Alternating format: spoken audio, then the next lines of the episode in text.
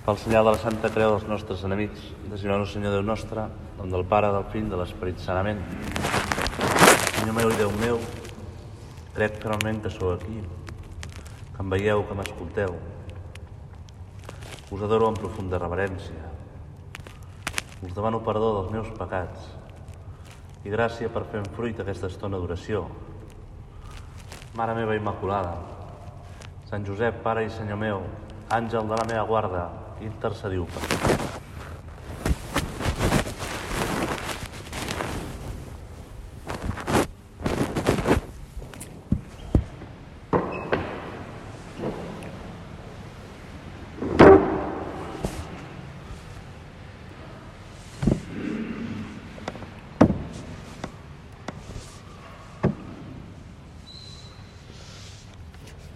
Amb la vostra llicència,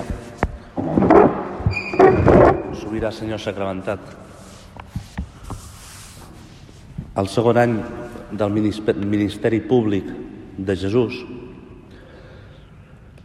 molta gent coneix la seva persona, han escoltat les seves paraules, han presenciat els seus miracles,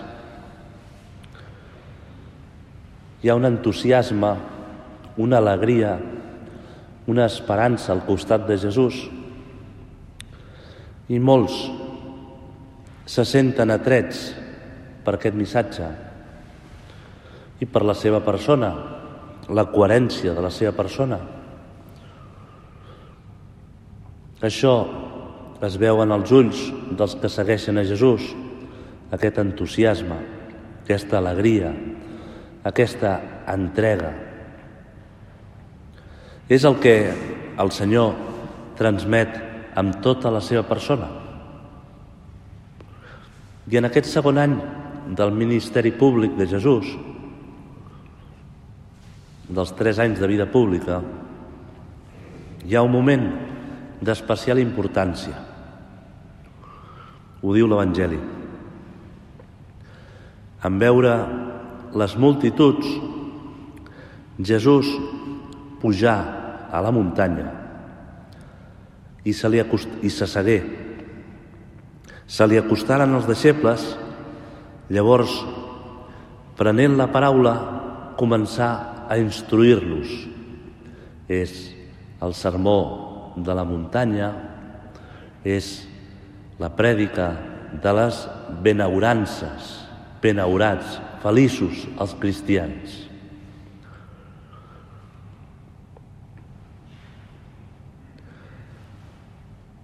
Nosaltres també avui ens hem acostat a Jesús perquè ens instrueixi, com els apòstols i els deixebles, i la multitud, tota aquesta gentada que s'acostava a Jesús. Però a vegades no deixem que ens instrueixi perquè no estem oberts a que ens pugui dir coses, perquè ja sabem el que ens dirà, perquè ja li posem les paraules a la seva boca. I això és una cosa que ens hem de plantejar. Estic obert, Jesús, a que m'instrueixis, a que em parlis, m'acosto a tu amb aquesta noblesa, amb aquesta sinceritat,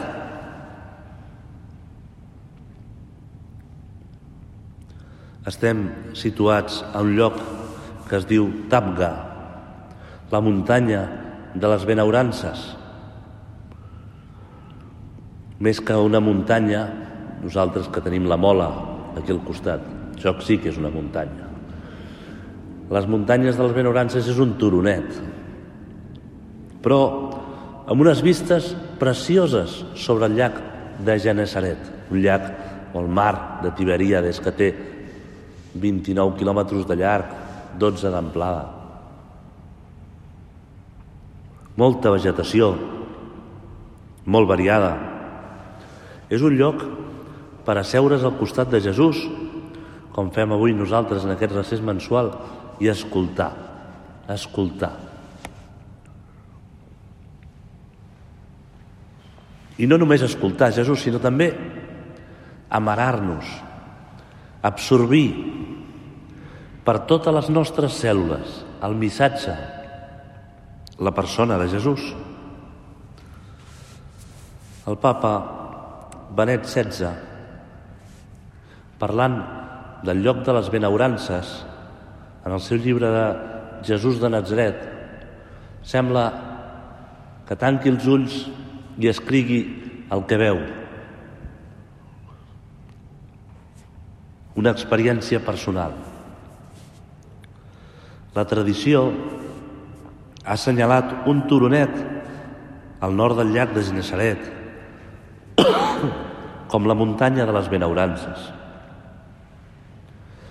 Qui ha estat allí té gravat en l'esperit l'amplada de la vista sobre l'aigua, el llac, el cel, el sol, els arbres i prats, els cants dels ocells. No pot oblidar la meravellosa atmosfera de pau, de bellesa de la creació.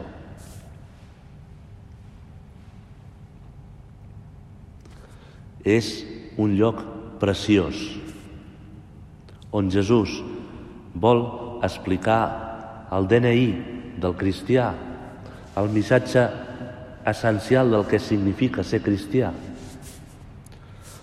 Aquesta visió del papa coincideix amb l'experiència actual de tants peregrins que diu, diuen que qui ho visita actualment sembla transportat en el temps, com si en qualsevol moment aparegués Jesús i es posés a parlar. El seu somriure, la seva alegria, la seva el seu entusiasme, la seva vitalitat i la seva entrega. Expliquen els peregrins que quan visites Terra Santa està tot tan canviat, han passat tants anys, tantes cultures, tantes edificacions noves, que costa veure Jesús. És difícil imaginar-te Jesús al costat d'un Mercedes. En canvi, al lloc de les benaurances, aquell lloc on tu, Senyor, expliques de manera profunda el que és ser cristià, que hem de ser benaurats, que hem de ser feliços, que ens crides a, a un missatge d'esperança i d'alegria enmig del món, la bellesa del paisatge s'ha mantingut. Hi ha set fonts d'on surt aigua. Herba, flors, com diu el papa Benet XVI, cants dels ocells. Inclús el llac té afluents subterranis que fan que abundi el peix, un peix que ara s'anomena de Sant Pere, però en aquell temps no. Trobem lògic aquest sigui el lloc escollit per la providència per parlar de l'ideal cristià, del fet fonamental de ser cristià.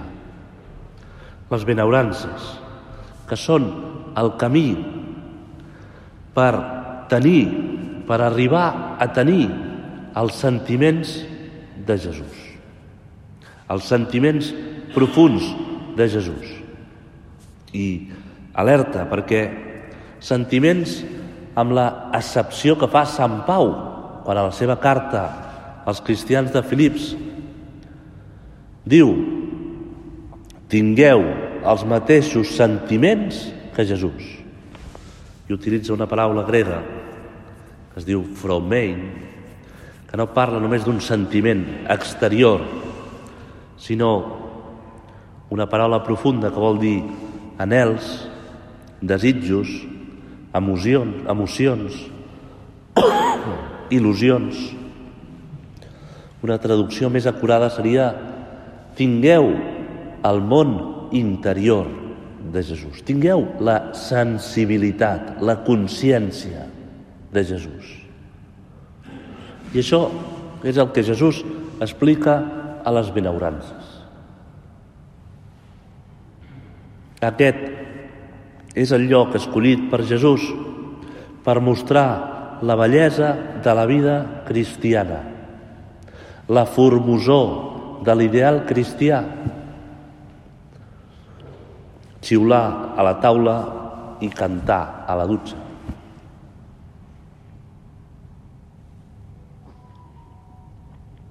Hi ha un autor espiritual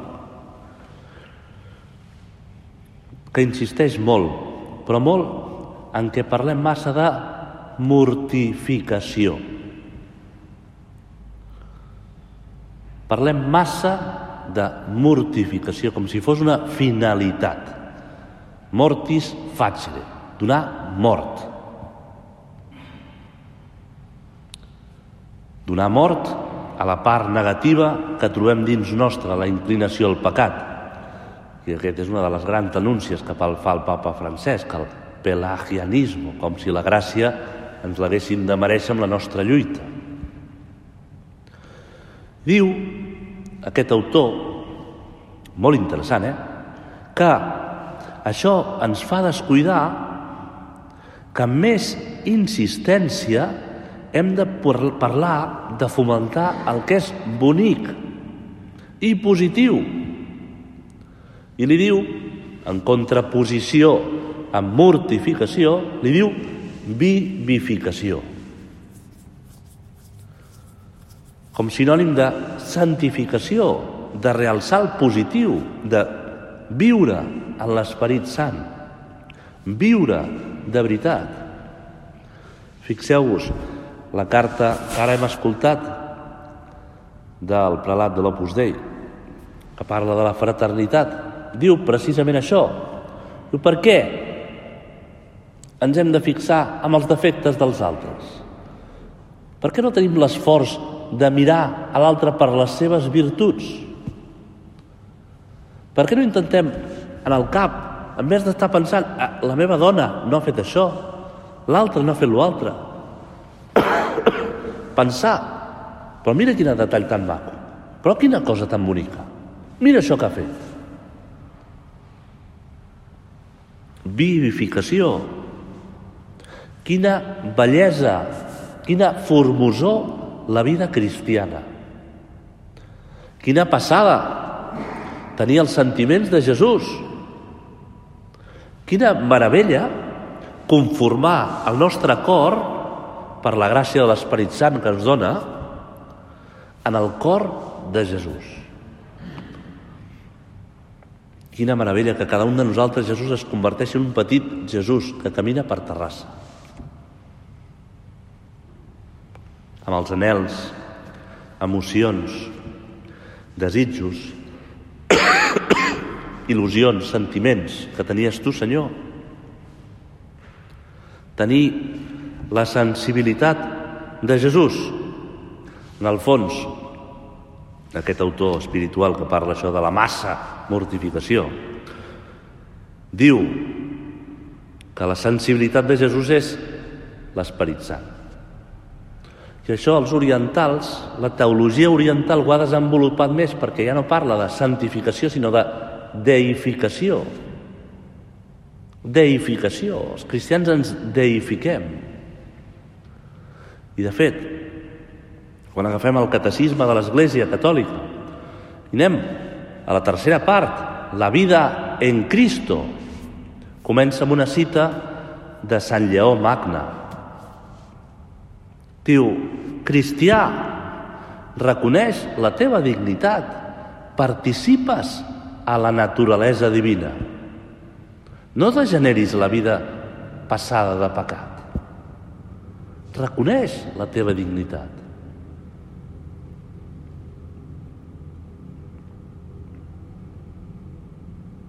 Avui nosaltres, en aquest recés mensual, ho podem pensar. Com és Jesús la meva capacitat de meravella davant la immensitat del regal de Déu? Com és, Jesús, la meva capacitat de sorpresa d'agraïment, d'al·lucinar, com el nen petit quan entra a la sala d'estar el dia de Reis i obre els ulls davant de tots els regals que l'esperen. Hauríem d'estar així, davant la meravella de Jesús que ens has volgut donar. Feliços, benaurats, quan teniu el cor de Jesús, quan a través de la lluita, amb els petits sacrificis, amb la mortificació, arribem a aquesta finalitat de deificació, viure amb Jesús. Com és el meu somriure? Com és la meva capacitat de xiular la taula i cantar la dutxa? De viure en cristià?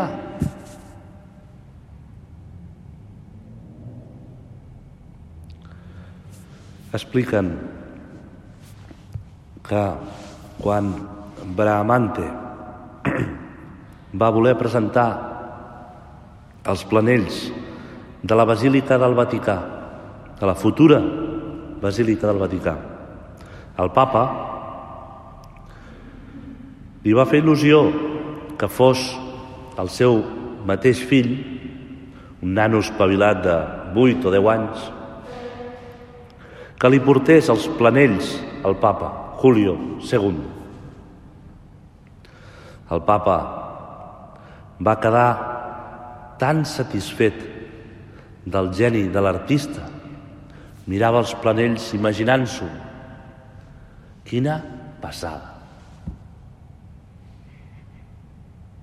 Que va voler fer un gest magnànim a l'alçada de l'església que volia construir. Va agafar un cofre amb monedes d'or. Li va mostrar al nano i li va dir fica la mà i agafa.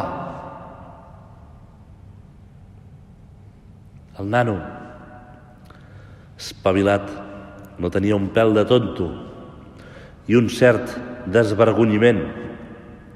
Va mirar el papa fixament i li va dir jo no, agafi la seva santedat, que té la mà més gran.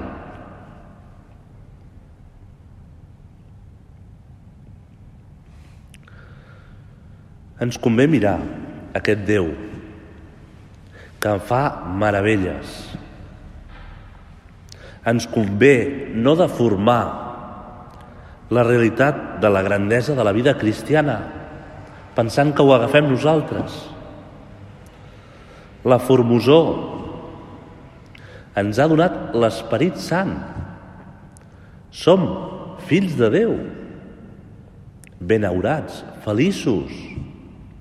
Estem sempre davant dels seus ulls. Déu té sempre la mà més gran, sempre.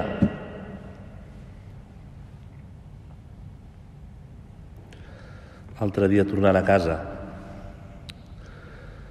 vaig veure una nena petita vestida de princesa, ser Frozen o alguna d'aquestes. I la mare anava uns metres més endavant i anava dient en veu alta ai, no sé si hi ha una princesa per aquí que em donarà la mà no sé si hi ha una princesa per aquí que quan arribi anirà a la dutxa i la nena va córrer ràpidament i va agafar la mà de la mamà crec que Déu, tu Senyor, també ho dius així. No sé si hi ha un que és capaç de donar-se de tota l'alegria que li vull vessar en el seu cor. No sé si m'agafarà la mà i s'acostarà a mi. No sé si deixarà de pensar que és ell el que ho aconsegueix tot. No sé si deixarà de tenir aquest pensament crític, negatiu, com si tot depengués del seu esforç. A vegades, amb la lluita ascètica, o potser per perfeccionisme, per, ser, per posar-nos nosaltres al centre, descuidem això. I potser posem la mortificació com a finalitat o la lluita ascètica al centre.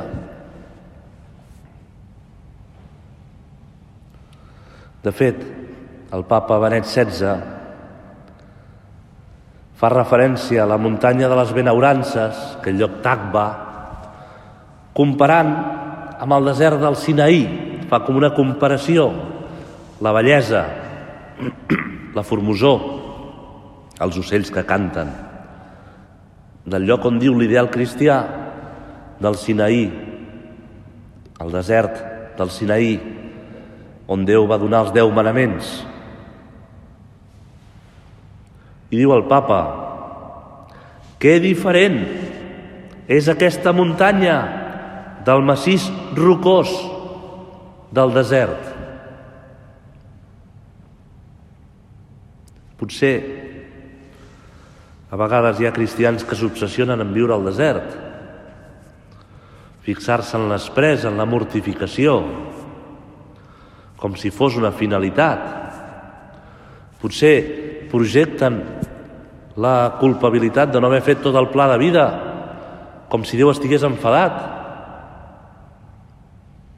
I és la nostra soberbia ferida. Deixa't estimar per Déu. Torna a lluitar. Aixeca't. No projectis el teu desencís, la teva misèria, la teva visió negativa. Déu no és així.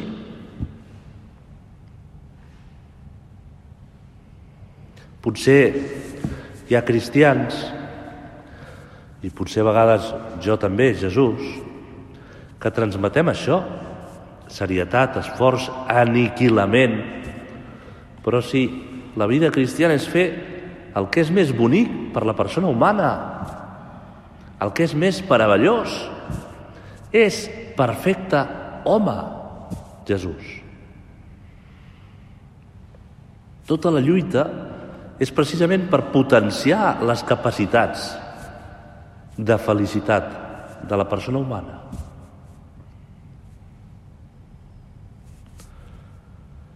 Fixeu-vos que el relat de la creació, en contraposició, contraposició al desert, parla de jardí, i insisteix, Déu va veure que era bo. Déu s'admira de la bellesa que ha creat. Diu el Gènesi, Déu va plantar un jardí. Déu va fer brotar tota mena d'arbres formosos a la vista. Déu va posar a l'home al jardí perquè el cuidés. Déu va veure que era bo. És el pecat de l'home el que el porta a amagar-se, el que el porta a fugir, a deformar Déu a tergiversar Déu. Déu crea un jardí. Déu envia el seu fill per redimir-nos i donar-nos la vida a l'Esperit Sant, la deificació. A un jardí es cullen flors, a un desert es tiren pedres. Estem collint flors. Això ho deia amb una frase molt bonica Santa Treseta del nen Jesús, parlant de la infància espiritual, de la filiació divina com nen petit, deia, l'única cosa que haig de fer la vida és anar collint les petites floretes que Déu posa al costat del meu camí. Déu ha creat un jardí.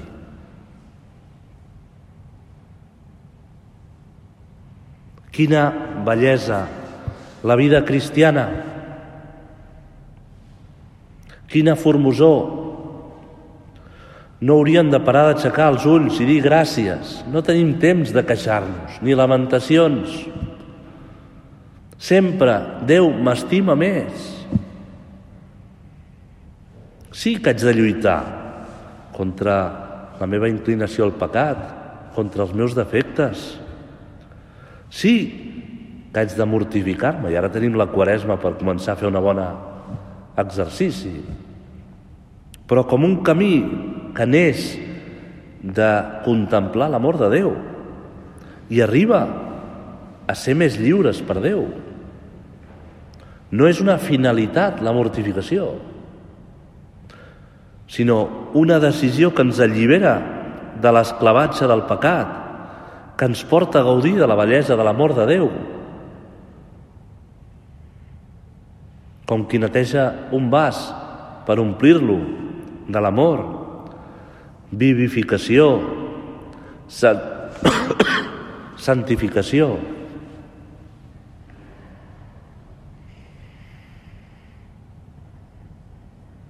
Expliquen que quan Miguel Ángel va acabar l'estàtua del David li va semblar tan perfecta que li va donar un cop de martell i li va dir parla.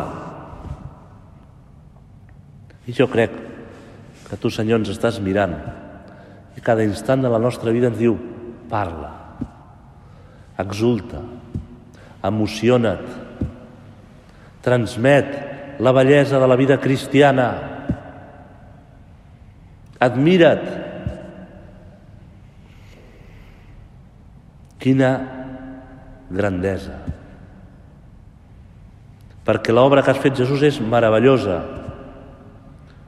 Ja no és només la creació, sinó l'home,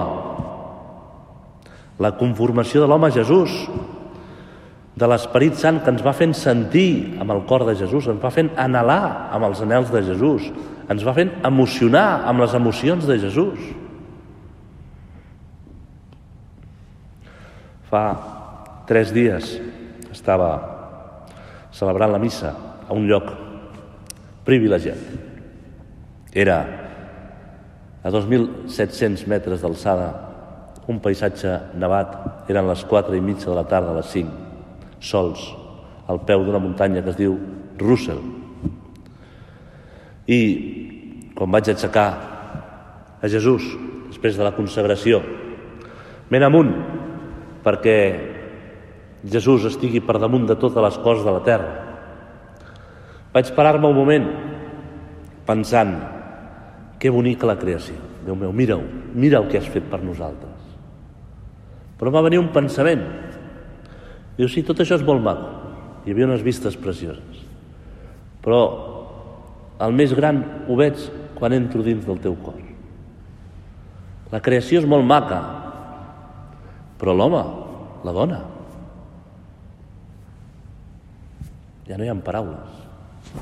Deificació, santificació, vivificació, tenir el cor i els sentiments de Jesús. Acabem mirant a la Mare de Déu, Acabo amb una oració que vam llegir a la missa votiva de la Mare de Déu, de l'amor formós, del vell amor, perquè ens ensenyi la Mare de Déu a viure la vida cristiana amb formosor, amb entusiasme, amb il·lusió, amb esperança, collint flors.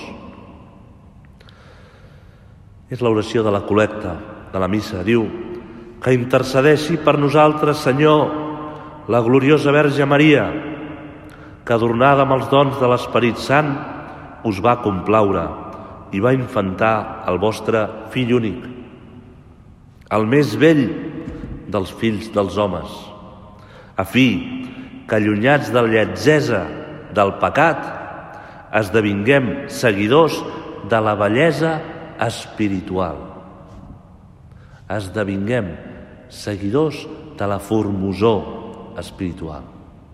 Mare nostra, per mi i per tots, seguidors de la bellesa espiritual.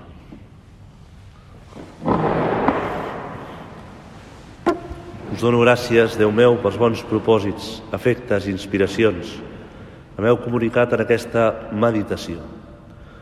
Us demano ajuda per posar-los per obra Mare meva Immaculada, Sant Josep, Pare i Senyor meu, àngel de la meva guarda, intercediu per mi.